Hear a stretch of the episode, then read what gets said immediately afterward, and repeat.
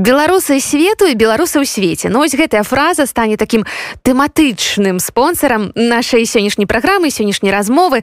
Як заўсёды я знаёмлю вас з нашымі суайчыннікамі. Людзі лёсы і думкі. Мне падаецца што гэта самае цікавае самае важное ў нашым жыцці. Таму сустракаем сёння ў студыі Ганну скрыпнікаву прафесійны музыкант яна ў варшаве зусім нядаўна але ўжо адыграла прэм'ерны канцэрт у варшаўскім вольным аркестры адбылася гэта прэм'ера на 25 сакавіка на дзень волі. А яшчэ наша госця пастанавіла сабе абавязкова адкрыццю польскай сталіцы музычную школку для маленькіх беларусікаў. Пра гэта і не толькі сёння паразмаўляем. Ганна добрый вечар. Добрый вечар. Увогуле у многіх з нас ну напэўна ва ўсіх беларусаў жыццё э, на да і пасля падзялілася на да прэзідэнцкіх выбараў да жнівінскіх падзей. І пасля вы ў гэтым сайце не выключэнне Нет, конечно, я не исключение, хотя мне сложно сказать. Э, с одной стороны, я давно в так называемой позиции, и еще в 2004 году у меня уже были задержания э, за митинги, и меня чуть не исключили тогда уже из колледжа. И у меня не было каких-то розовых очков, у меня не было иллюзий по поводу, как может быть, потому что я помню 2006 год, 2011, 2017, но с другой стороны, до избирательной кампании я не могла себе представить, как много потрясающих просто у нас белорусов. Это было просто невероятно. И, конечно же, я не могла представить, что будет после выборов, с какими ужасами мы столкнемся, с какими садистами мы живем на одних улицах. Это, конечно, понять, пережить, это очень все тяжело. Ну скажем так псіхалагічная траўма і у вас засталася бо былі пэўныя падзеі якія таксама і прымусілі выехаць да варшавы Конечно, это коснулось, мне кажется, многих, и у нас была такая ситуация, после которой мы поняли, что нам небезопасно оставаться в Минске, и с, с течением времени это становилось все более э, небезопасно, пришлось уехать колькі вы ўжо ў варшаве знаходзіцеся з 23 февраля то есть это ну, чуть больше месяца немного ёсць адчуванне што папярэдняе жыццё гэта было ну вельмі вельмі даўна это некая была такая іншая абсолютно да. гісторыя так? да. абсолютно э, там была совершенно другая жизнь здесь приходится привыкать ко всему новому возможно находить в себе какие-то новые качества потому что белорусский уклад жизни он намного был наверное стабільнее А вось дарэчы да. расскажыце пра беларускую гэтую сваю гісторыю я так разумею што была любімая праца быў занятак вы так любілі тое чым займаецеся якімі падзеямі якімі марамі была поўнілася тая беларуская рэальнасць Ну, вообще, я не системный человек, и то, что я 7 лет отработал в музыкальной школе, это удивительно. Даже даже для меня. Вот. Но мне было очень интересно процесс педагогики и э, как, как вообще это все происходит, как это должно происходить. Мне хотелось сделать лучше. Вот. И когда я достаточно случайно пришла в музыкальную школу, в которой я проработала вот все это время, мне очень повезло с коллективом, у меня были прекрасные коллеги, мне безумно повезло с э, учениками, с их родителями. Э, многие из них стали мне просто вот близкими людьми. Это было такое ощущение настоящей команды. Они всегда были за любой кипиш, они всегда меня понимали. Ну, это было просто прекрасное сотрудничество. Вот, поэтому Ну я так разумею что болело сердце тому что вы ж покинули деток все-таки у сярэдзіне навучальнага года это очень э, болезненный вопрос потому что как учитель тебе просто не позволяет совесть бросить детей посередине года и подвести их, потому что у тебя всегда есть какие-то планы, ты должен того довести до конца года, тут подготовить к конкурсу. У нас была очень активная такая насыщенная жизнь, и для меня это было очень болезненно на самом деле, но я очень рада, что мой класс, родители учеников поняли, они были в курсе ситуации, и они меня поддержали в этом. А яшчэ ў вашай сацыяльнай сетцы я подгледзела фатаграфію, дзе стаяць вашыя вучні, вучаніцы дакладна ў белых сукеначках і з чырвонымі такімі стужачкамі да. паяскамі.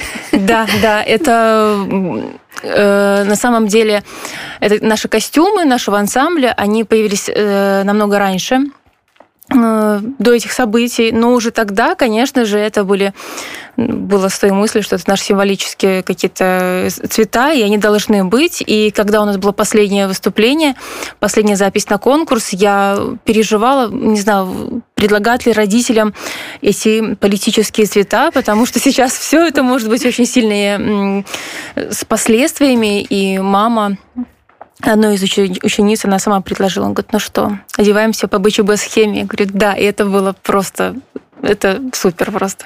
Ну, инструменты, музыка приехали с вами в Варшаву, я так разумею, конечно, вы сюда. Конечно, куда без них. Ну, э, со мной приехал только скрипка, я еще альтист, и скрипач, mm-hmm. вот, два инструмента не получилось привести, вот, но я думаю, что в ближайшее время приедет и альт. Ну вось на гэтай скрыпцы вы адыгралі прэм'еру 25 сакавіка адбылася падзея у музычным жыцці варшавы і ў жыцці беларуса ўвогуле ну таму што гэта быў варшаўскі вольны аркестр. Сяржук доўгушаў прыехаў таксама сюды стварыў калектыву якім вы сыгралі. Як гэта было? Таму што сержыком мы сустракаліся напярэдадні А вось як гэта адбылося нам яшчэ ніхто не расказаў у эфіры. Калі ласка подзяліцеся ўражаннямі. Это был прекрасный концерт. Это было достаточно все в очень быстро в какие-то сжатые сроки. И Сергей, он, конечно, имеет какой-то уникальный дар объединять людей, собирать их вместе, быстро репетировать, ничего не усложнять. Вот он очень все здорово сделал, и концерт был очень классным, очень легким и ответственным, конечно, но атмосфера была совершенно э, не напряженная, все было здорово. Амбіцыі у гэтага калектыва скажем так аматарскія ці ўсё ж таки прафесійныя? Бо збольшага там я так разумею что ўсе з кансерваторскай адукацыі людзі сур'ёзныя. Да все музыканты профессиональные поэтому я думаю что у нас будет э, не любительский репертуар и состав а более профессиональный потому что для этого есть все и музыканты и большое большое желание и организаторские способности Сергея. Все способствует тому чтобы у нас э, было прекрасное будущее. А каго вы сустрэлі ў гэтым калектыве? Ну дакладна каго вось ну не чакалі сустрэць Таму што наша з вами сустрэча таксама абсалютна так. выпадковая. Калісьці шмат шмат гадоў таму мы вучыліся разам у музычным каледжы вось лёс звёў. І такія нечаканыя сустрэчы гэты час прапануе. э, на самом деле я немногих там знала буквально пару человек но все, с кем я даже познакомилась, э, просто как родные люди. Атмосфера на репетициях э, очень душевная, и это в какой-то степени даже какая-то... Это я не знаю, это отдых просто, потому что все равно как бы адаптация есть Польше, к польскому языку, к польскому менталитету. И когда встречаются все белорусы, они э, все в разное время приехали. Но все равно это ты чувствуешь, что это родные люди, тебе вообще просто вот на сто процентов, и, и ты абсолютно расслаблен, абсолютно спокойно, и поэтому это все всегда в хорошем настроении, ты всегда с удовольствием едешь на репетиции. Ганна, увогуле, як вам падаецца, скажем так, якую унікальнасць ужо ад пачатку мае гэты калектыў, што ён можа прапанаваць слухачу? Ну, конечно же, мы ориентированы в первую очередь на исполнение белорусских композиторов, белорусских э, песен. Э, репертуар будет на сто процентов, я думаю, белорусский. Это будет совершенно разное произведение от э, просто инструментальных, от развернутых каких-то э, составов до маленьких с вокалом и без. Это будут очень-очень разные программы. И композиторы от Полоцкого Шитка, Агинского, Манюшка до Войтюшкевича будет очень разный репертуар. И нам очень сильно помогают композиторы белорусские. Константин Яськов нам помогает. Э, многие дирижеры делят своими партитурами. То есть это очень такой хороший процесс, такой э, продуктивный. И я думаю, что в скором времени мы порадуем вас чем-нибудь новеньким.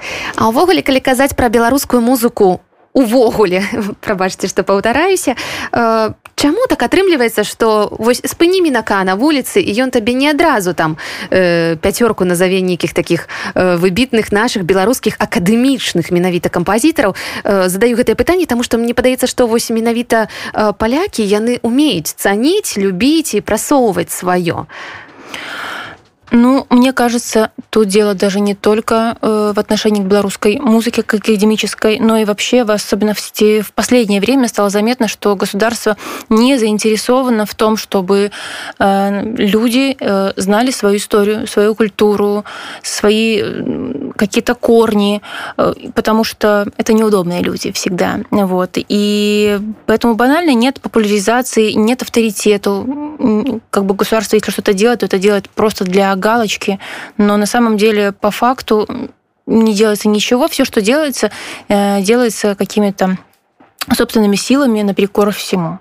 Поэтому, конечно, я думаю, что такая ситуация не только с музыкой, но и с любыми другими там с историческими какими-то моментами художниками и так далее. А увогуле які ён лёс маладога музыканта на беларусі чалавека які ну звычайна колькі ты чатыры гады вучышся ў музычным каледжы потым 5 гадоў гэта вНУ а яшчэ да гэтага 7 ці 8 некаторых ну бывае што 5 гадоў музычнай школы то бок палову жыцця ты аддаеш вось сваёй будучай прафесіі потым ты выходзіш у свет і што цябе чакае? а тяжкий лес.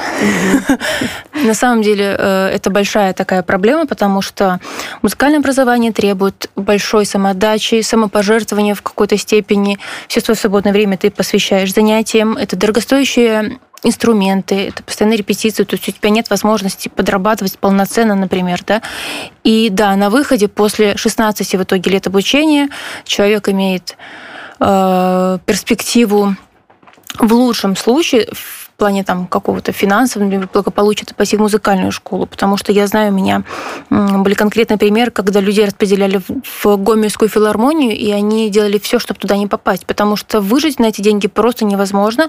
Требования, конечно же, очень высокие, и просто человек человеку тяжело всегда работать на отдачу, ничего не получая взамен.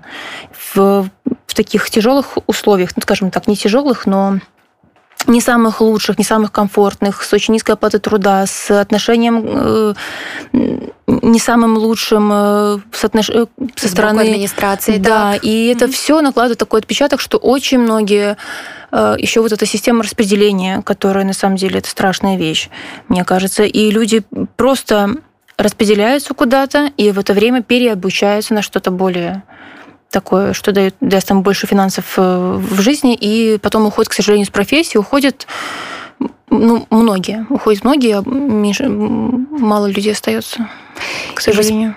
будем працягваць тэму адукацыі і падышлі падаецца да самага цікавага і самага інтрыгуючага вы хочаце стварыць у варшаве школу музычную для беларусаў да Вау.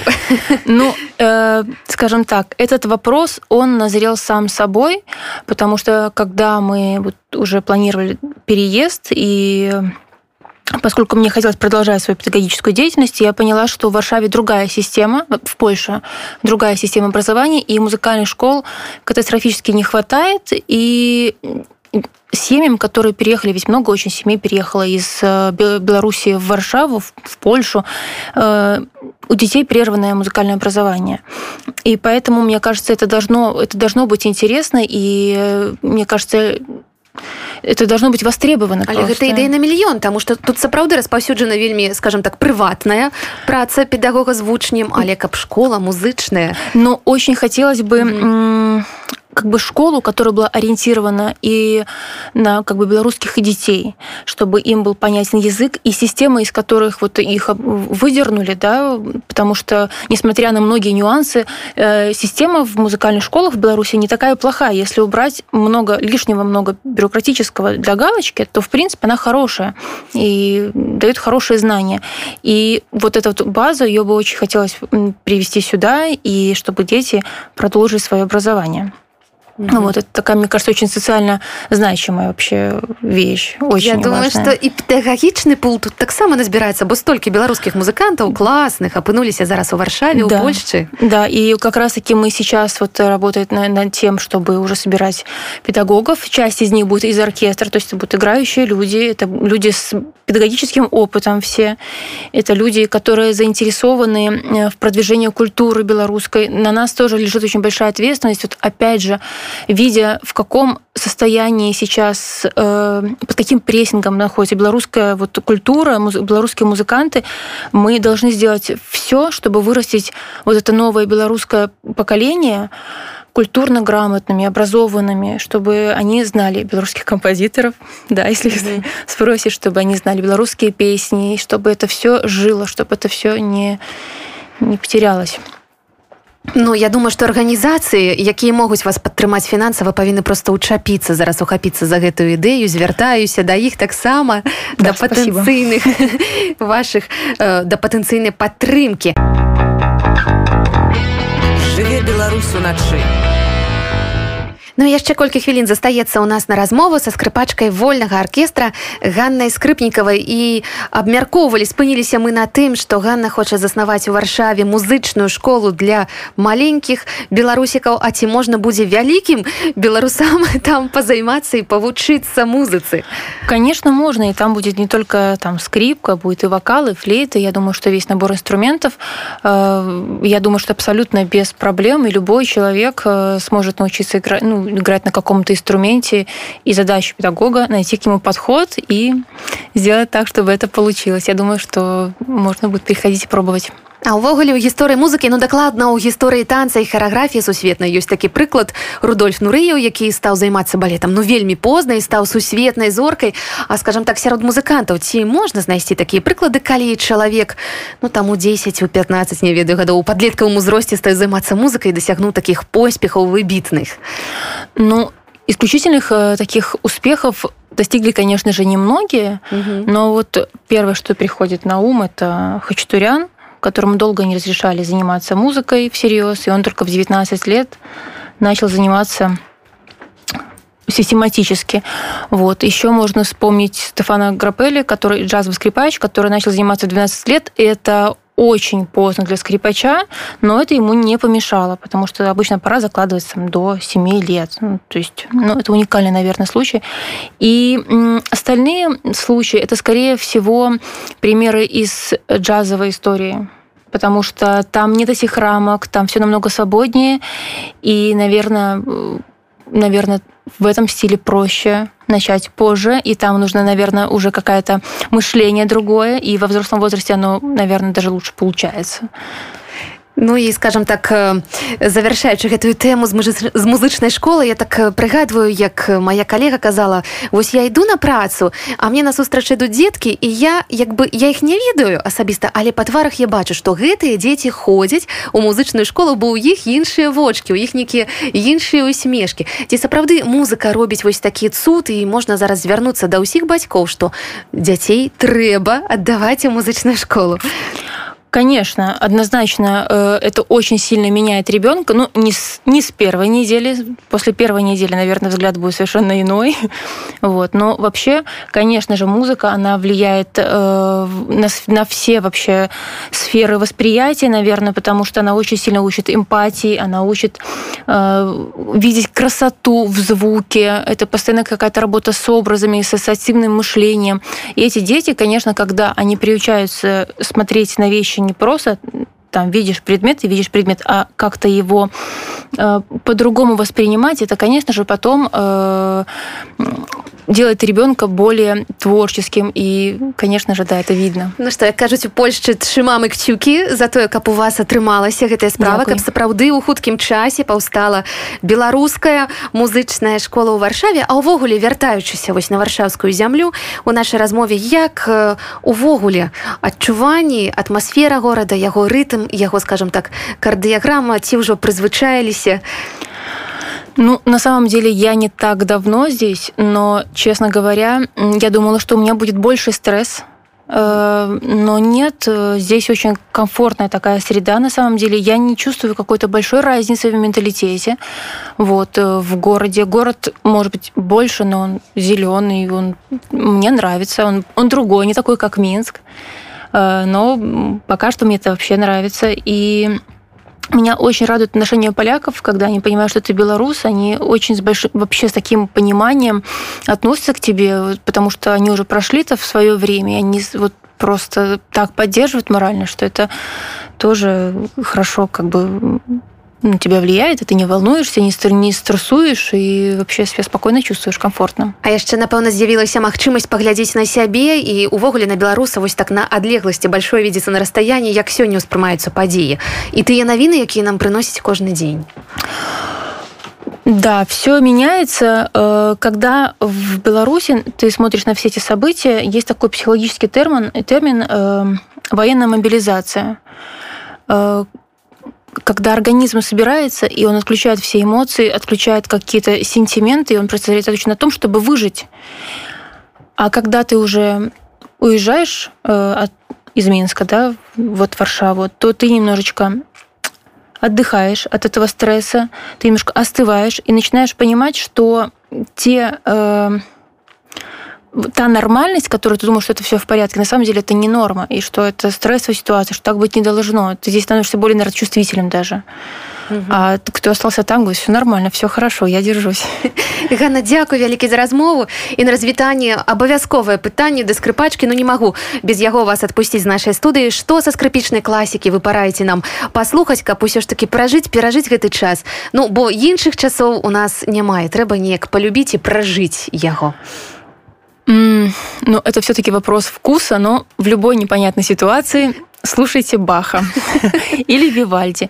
А еще скрипку не обязательно слушать отдельно, как инструмент. Есть э, просто тысячи композиций в дуэтах, в трио, квартетах, камерной музыки. И, например, могу посоветовать послушать симфонии Бетховена. Прекрасные, мне кажется, они по характеру очень даже э, близки нынешним вот э, событиям, и они вселяют какую-то вот веру во что-то хорошее. Ганна Скрипникова, скрипачка Варшавскага вольнага аркестра, і спадзяюся, што ў хуткім часе кіраўнічка беларускай музычнай школы у Варшаве сёння была разам з намі. Аліна Крамко развітваецца з вами. Гэта я за гукарэжысёрскім пультам Караль Смыга.